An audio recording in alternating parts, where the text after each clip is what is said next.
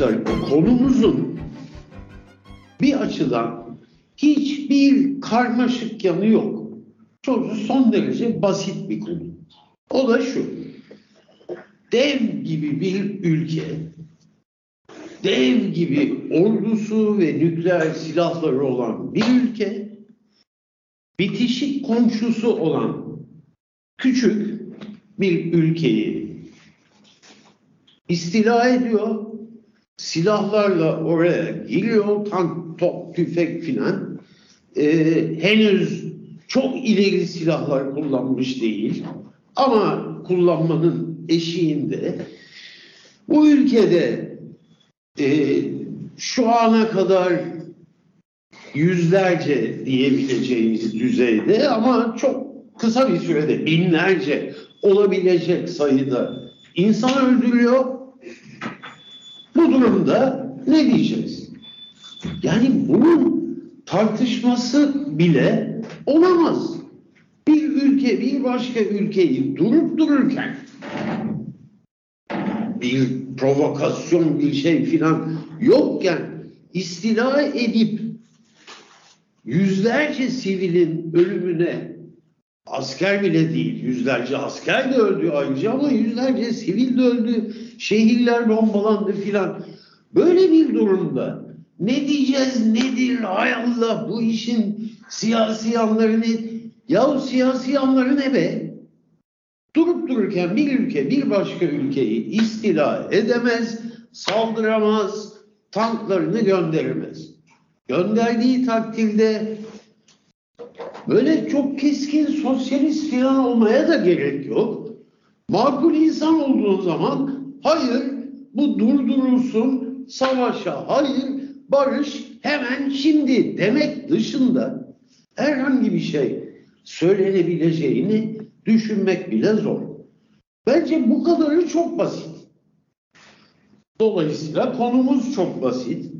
Ama bunun ötesine geçmeye başladığımız zaman e, dal budak salmaya başlıyor. Bir sürü ayrıntısı oluyor filan. E, ben biraz bu ayrıntılardan söz edeceğim. Ama sözünü ettiğim hiçbir ayrıntı, hiçbir tartışma, hiçbir konunun özel bir yanı filan asıl söylenmesi gerekenin Rus işgaline hayır, savaşa hayır demek olduğunu değiştirmez. Oradan başlamak gerekir. Şimdi arkadaşlar başlayalım dal budak salan ayrıntılı taraflarına bakmaya.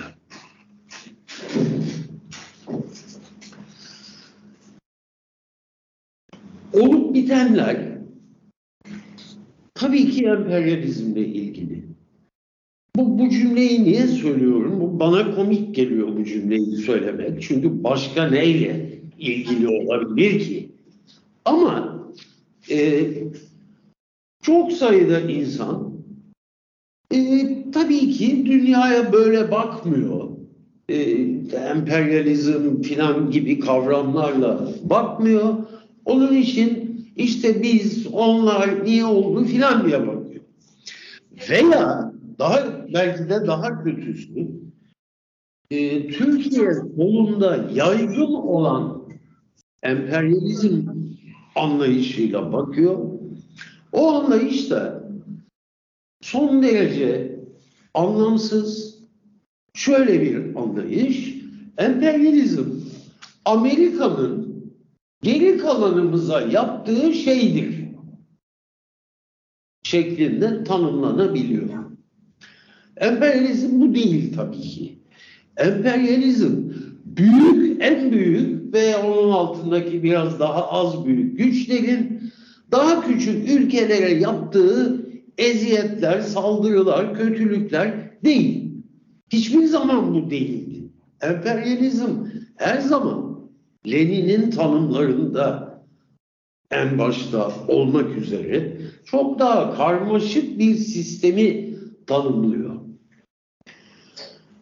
Nitekim eğer emperyalizm Amerika'nın dünyanın geri kalanına yaptığı şeydir diyor olsaydık, emperyalizmi böyle anlıyor olsaydık, o zaman gerçekten de e, Ukrayna'da olanlar evet Amerika'nın Rusya'ya saldırısı ama ya saldırmadılar ki e, işte saldırmak zorunda bıraktığı filan diye Amerika'nın Rusya'ya yaptığı bir şey diye görüp Rusya'yı desteklemek pozisyonuna düşerdik.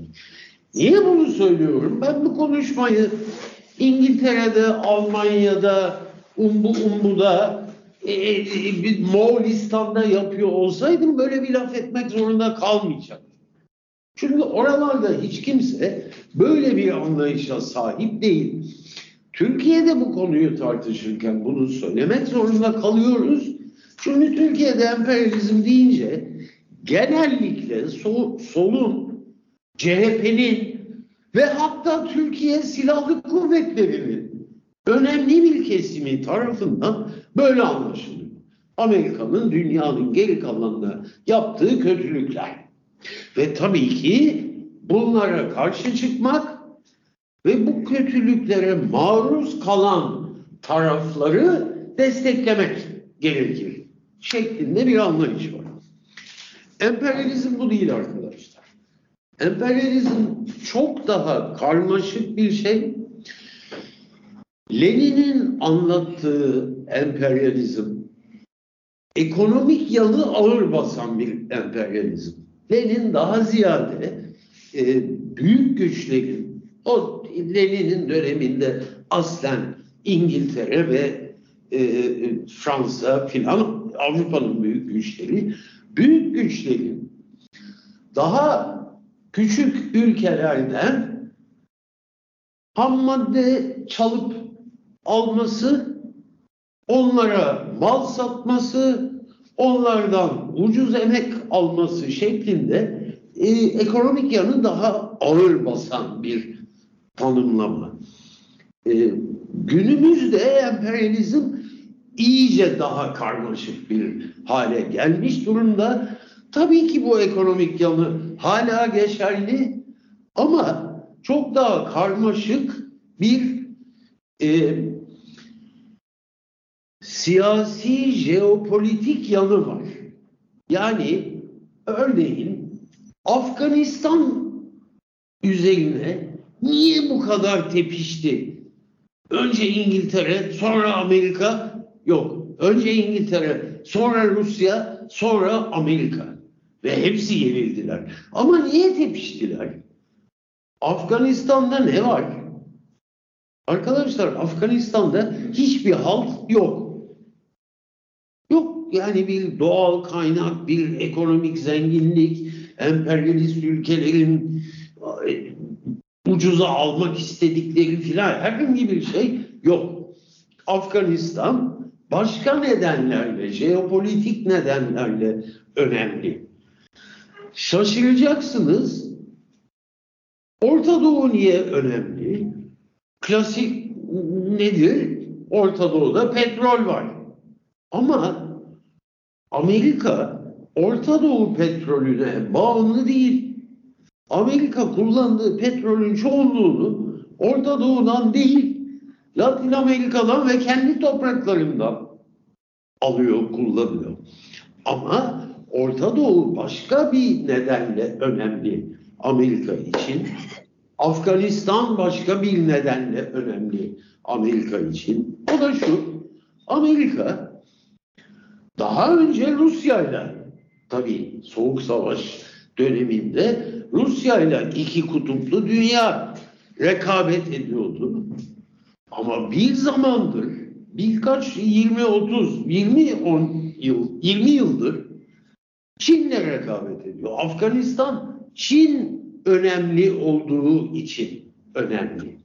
Orta Doğu önce Rusya'yı sonra da Çin'i çevrelemek açısından önemli. Emperyalizm günümüzde böyle bir şey.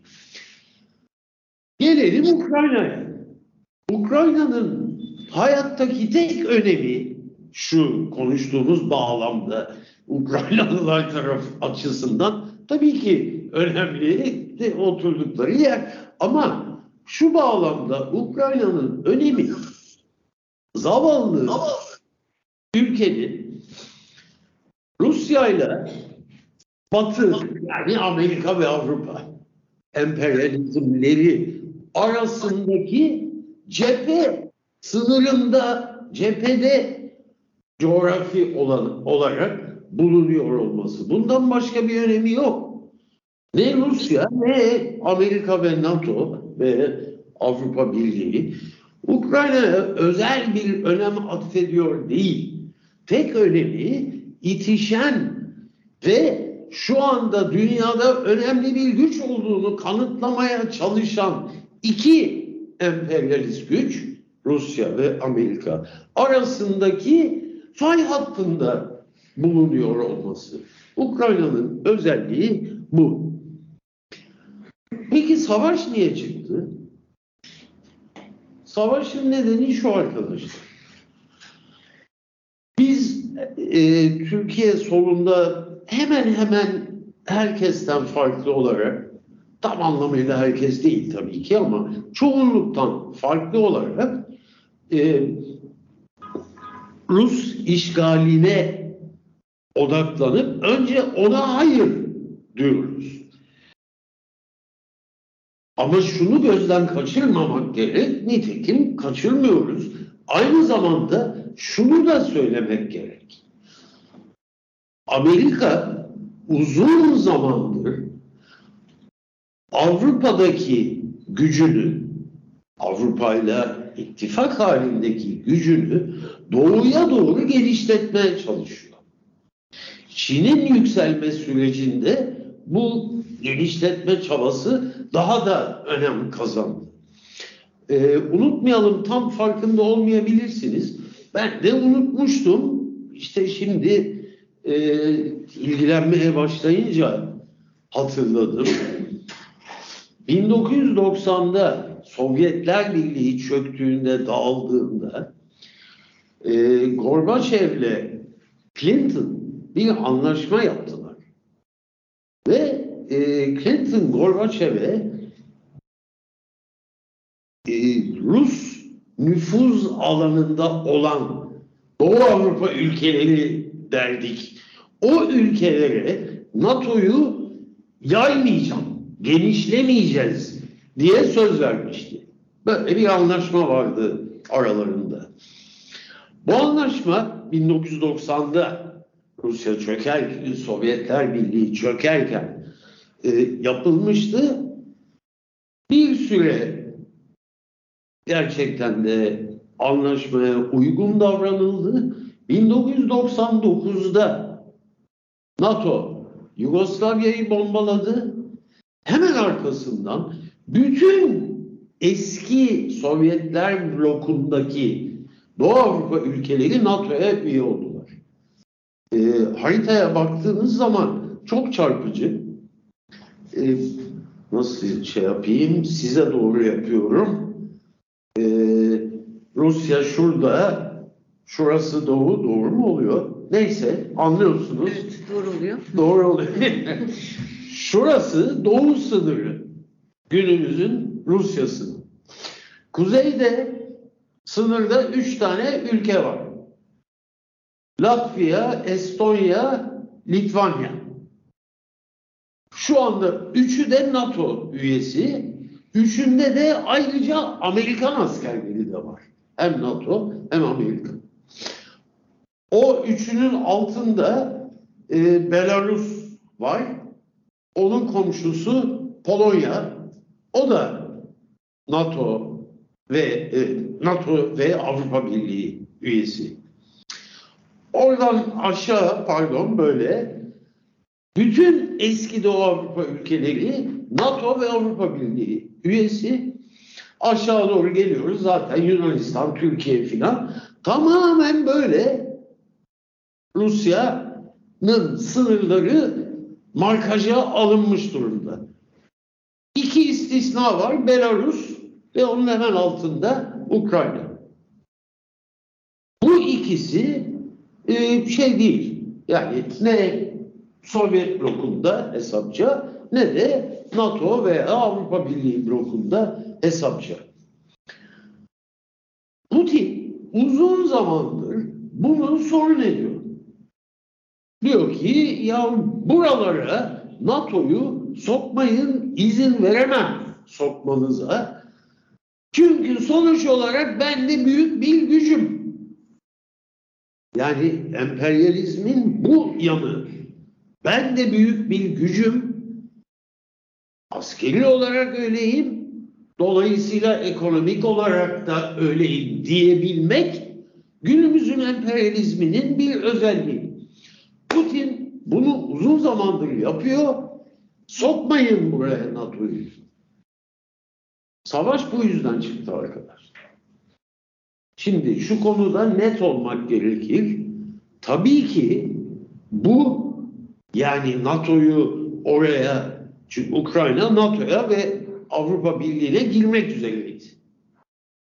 Ee, anayasaya yazdı Ukraynalılar NATO'ya giriyoruz diye. Bu tabii ki Ukrayna'yı işgal etmek için bir bahane filan olamaz ama savaşın nasıl bir emperyalist rekabetten kanı, kaynaklandığını kanıtlıyor. Şimdi arkadaşlar savaş başladıktan sonra e, savaşa gösterilen tepki hakkında bazı şeyler ilginç.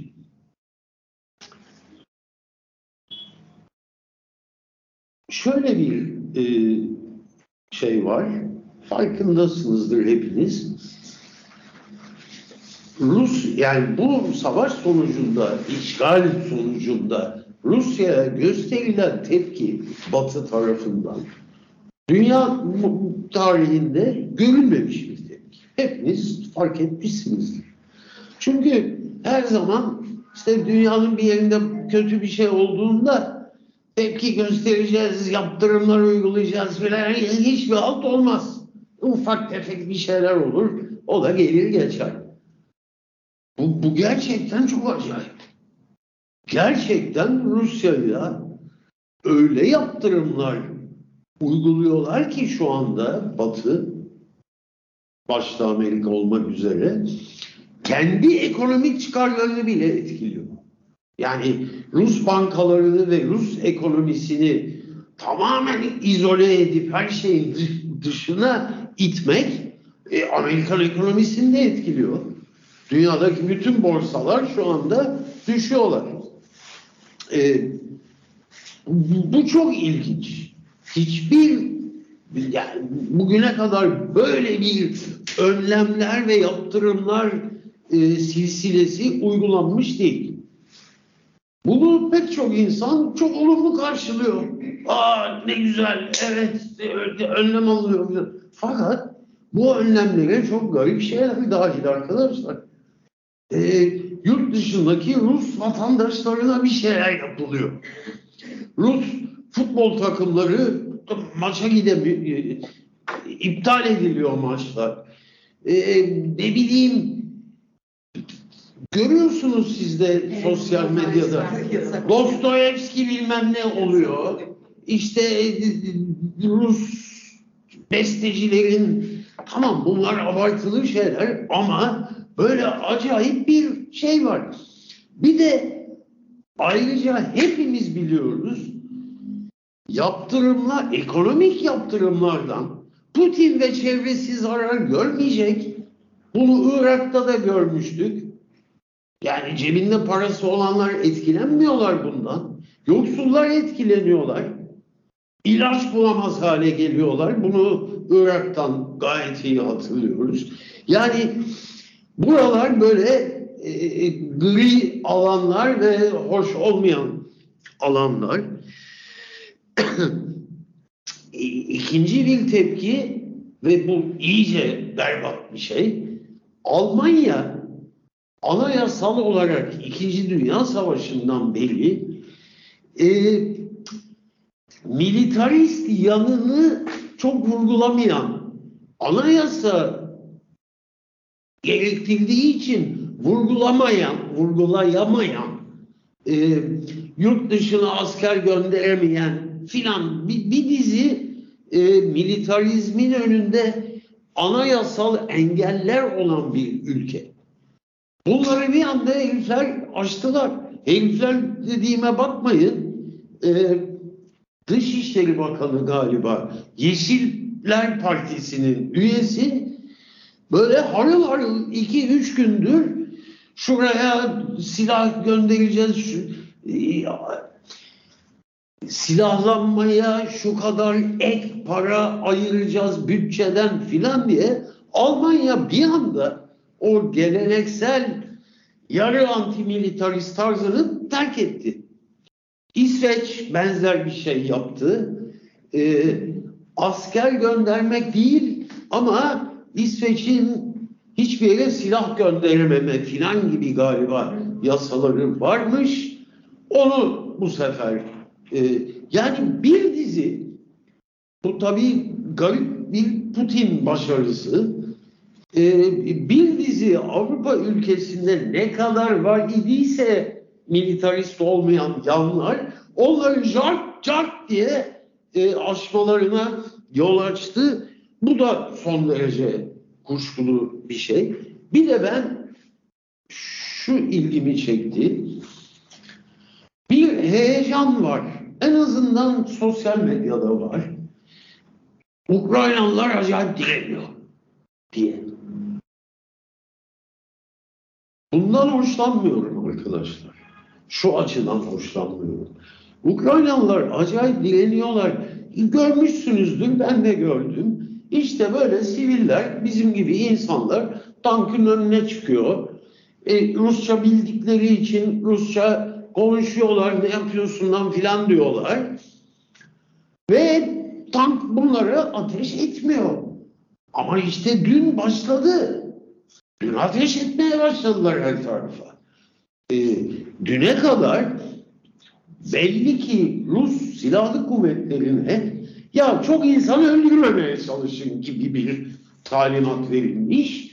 Belli ki dün ya biraz öldürün artık gibi bir talimat verilmiş. Yani Ukraynalılar direniyor vay anasına filan. Bunun sonucunda on binlerce Ukraynalı ölecek. Veya Almanların silah göndereceğiz. Abi kime silah gönderiyoruz? Ukraynalı sivillerin hatta Ukrayna silahlı kuvvetlerinin Rus ordusuna karşı direnme şansı mı var ya? Silah göndererek savaşı uzatıyorsun ve çok sayıda insan ölümüne yol açıyor. Yani gönderilmesin filan demiyorum çok net değilim bu konularda ama bütün bunlar çok hoş olmayan şeyler. İki konuya daha değineceğim arkadaşlar. Vaktim kaldıysa. Biri savaşlar normal zamanlarda çok göze çarpmayan şeyleri cart diye böyle ortaya çıkarır. Bu savaşta bunu yapıyor ve ortaya çok netçe döktüğü şeylerden biri ırkçılık. Her tarafta. Bakın. Sosyal medya son 2-3 gündür e, şöyle bir olguyla dolu. Batıdaki medyanın sosyal medya değil, hakiki şey, televizyon, gazeteler filan medyanın e, olan biteni anlatırken farkında bile olmadan yaptığı ırkçılık şöyle bir şey. Ee, bir de ha böyle saçma sapan ufak tefek şey NBC İngiltere'nin e, ikinci büyük televizyonu ITV filan böyle çok köklü e, medya kurumları haber verirken hayretler içinde kalıyor kadınlar ve herifler, e, spikerler, muhabirler ve diyorlar ki yahu bunlar mavi gözlü sarışın insanlar. Felaket. Nasıl olur böyle bir şey? Bunlar e, Avrupalı Avrupa'da böyle şey olur mu diye sonra birdenbire kendilerini fark edip duruyorlar. Sonra tabii o feveran ediyor millet filan. Ama korkunç bir ırk- ırkçılık. Açıkça söylüyorlar. Burası Irak veya Afganistan değil dedi CBS Amerikan televizyonunun e, muhabiri. E ne demek istiyorsun? Yani Iraklı ve Afgan, Afgan olunca insanlar tabii ki birbirlerini öldürürler. E, kara kuru, kahverengi oldukları zaman barbardırlar filan demeyi bu acayip döküldü ortaya. Bu bir. İkincisi Rusların da e, az önce diyordum ya çok bombalamıyordu başta. Karşısına siviller çıkınca bir şey yapmıyordu filan. Bu da ırkçılık arkadaşlar. Rus ırkçılığı. Çünkü e, Suriye'de Rus ordusunun davranışı böyle değildi. Böyle değildi. Anında yerle bir ettiler Suriye'yi. Hiç öyle ya aman ya işte bunlar sivil. Hiç böyle bir şey yoktu. Niye? E çünkü o Suriyeli e, bu sarışın mavi gözlü benim gibi. Rusların yani sadece Batı'nın değil Rusların da ırkçılığı var. Çeçenistan'da Rusya'nın yaptığını hatırlasanıza yerle bir etti ya bazı yerlerinde Çeçeniz. Çünkü Müslüman onlar. Eee, bana not mu yazıyorsun? He. Bir de şuna değinmek istiyorum. O da e, bizim sol, sosyalist e, kişi ve örgütlerimizin olup bitene gösterdiği tepki. Bu da çok enteresan arkadaşlar. Bugün e, Atilla Aytimur'un serbestiyet.com sitesinde bir yazı var. Çeşitli örgütlerin e, nasıl tepki gösterdiğini özetlemiş. Ya nadiren yaşasın Putin göstersen o Ukraynalı faşistlere falan var. Türkiye'de bu da var. Ee, üstelik sanatçı, müzisyen filan bunu söyleyenler. Ee, ama genellikle örgütlerin tavrı şu, çok faydalı Atilla böyle özetleyince. Ki işte kimse yaşa Putin göster onlara filan demiyor ama kimse Rusya'nın işgali, Rusya'nın e, Ukrayna'yı istilası, Rusya'nın saldırısı filan gibi laflar kullanmıyor. Ne şiş yansın ne kebap. Ya işte barış, savaş kötüdür, niye böyle yapıyorsunuz filan gibi bir yaklaşımla sanki kimin kime saldırdığı belli değilmiş gibi. Şimdi arkadaşlar Rusya'nın saldırısının tabii ki öncesi var. Anlatmaya çalıştım. NATO'nun o ülkelere genişleme çabası filan. Evet var ve bunu tabii ki söylemek gerek ama yani saldıran biri de var sonuçta. Amerika değil ya onu saldıran kusura bakmasın kimse.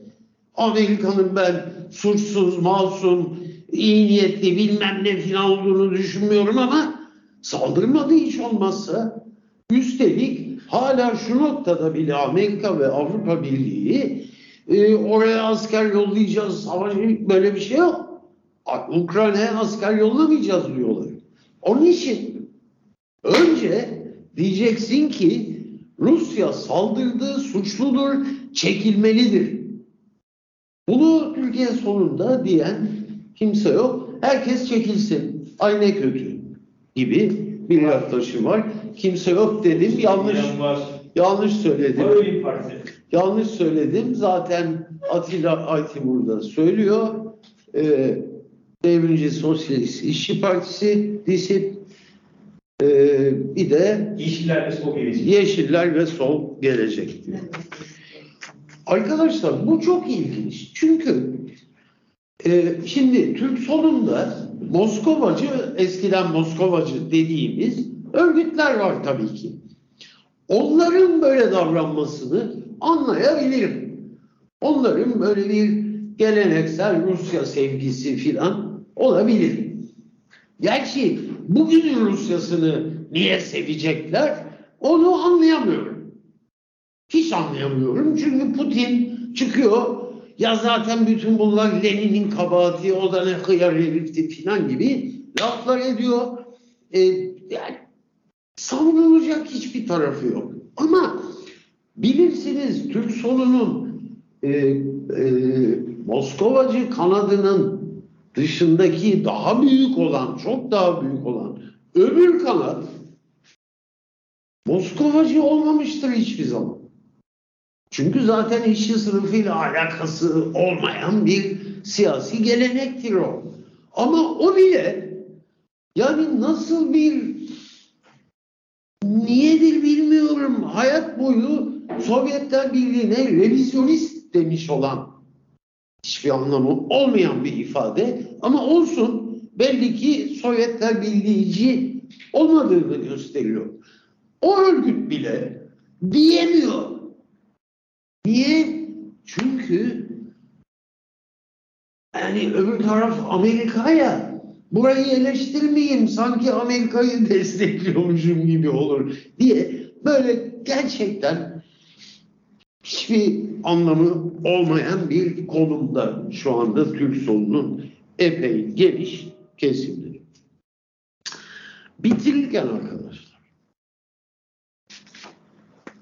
açık ki yeni bir soğuk savaş dönemine girdik.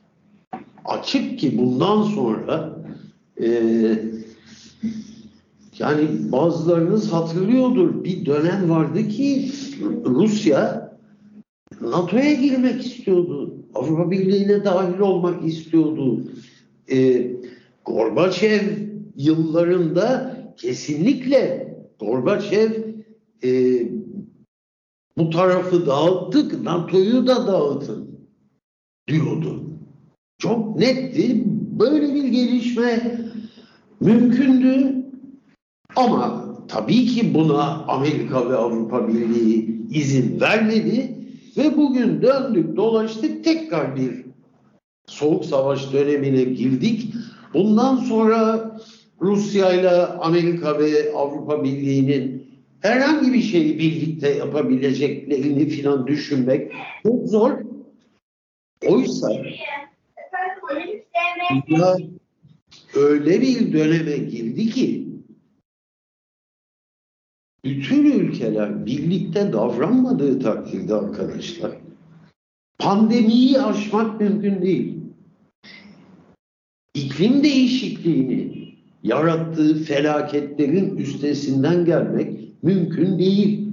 Çünkü bunlar küresel sorunlar ancak küresel düzeyde aşılabilir. Oysa tam tersine şu anda dünya yeni bir e, yarısının öbür yarısıyla konuşmadığı, görüşmediği, birbiriyle savaştığı falan bir döneme giriyorsak o zaman barış hareketinin, devrimci hareketlerin, sosyalist hareketlerin önemi gerçekten benim çok derdim değil arkadaşlar. Ben tahmin ediyorum belki 20 yıl falan daha yaşarım. Ama belki de 30 haklısın. Ama yani bugün genç olan insanların herhangi bir gelecek tahayyül edebilmeleri için e, şu anki dünya düzenini değiştirmek zorundalar. Mümkün değil arkadaşlar.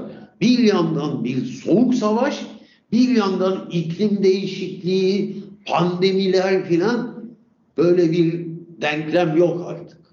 Böyle bir seçenek dünyada kalmadı artık. Teşekkür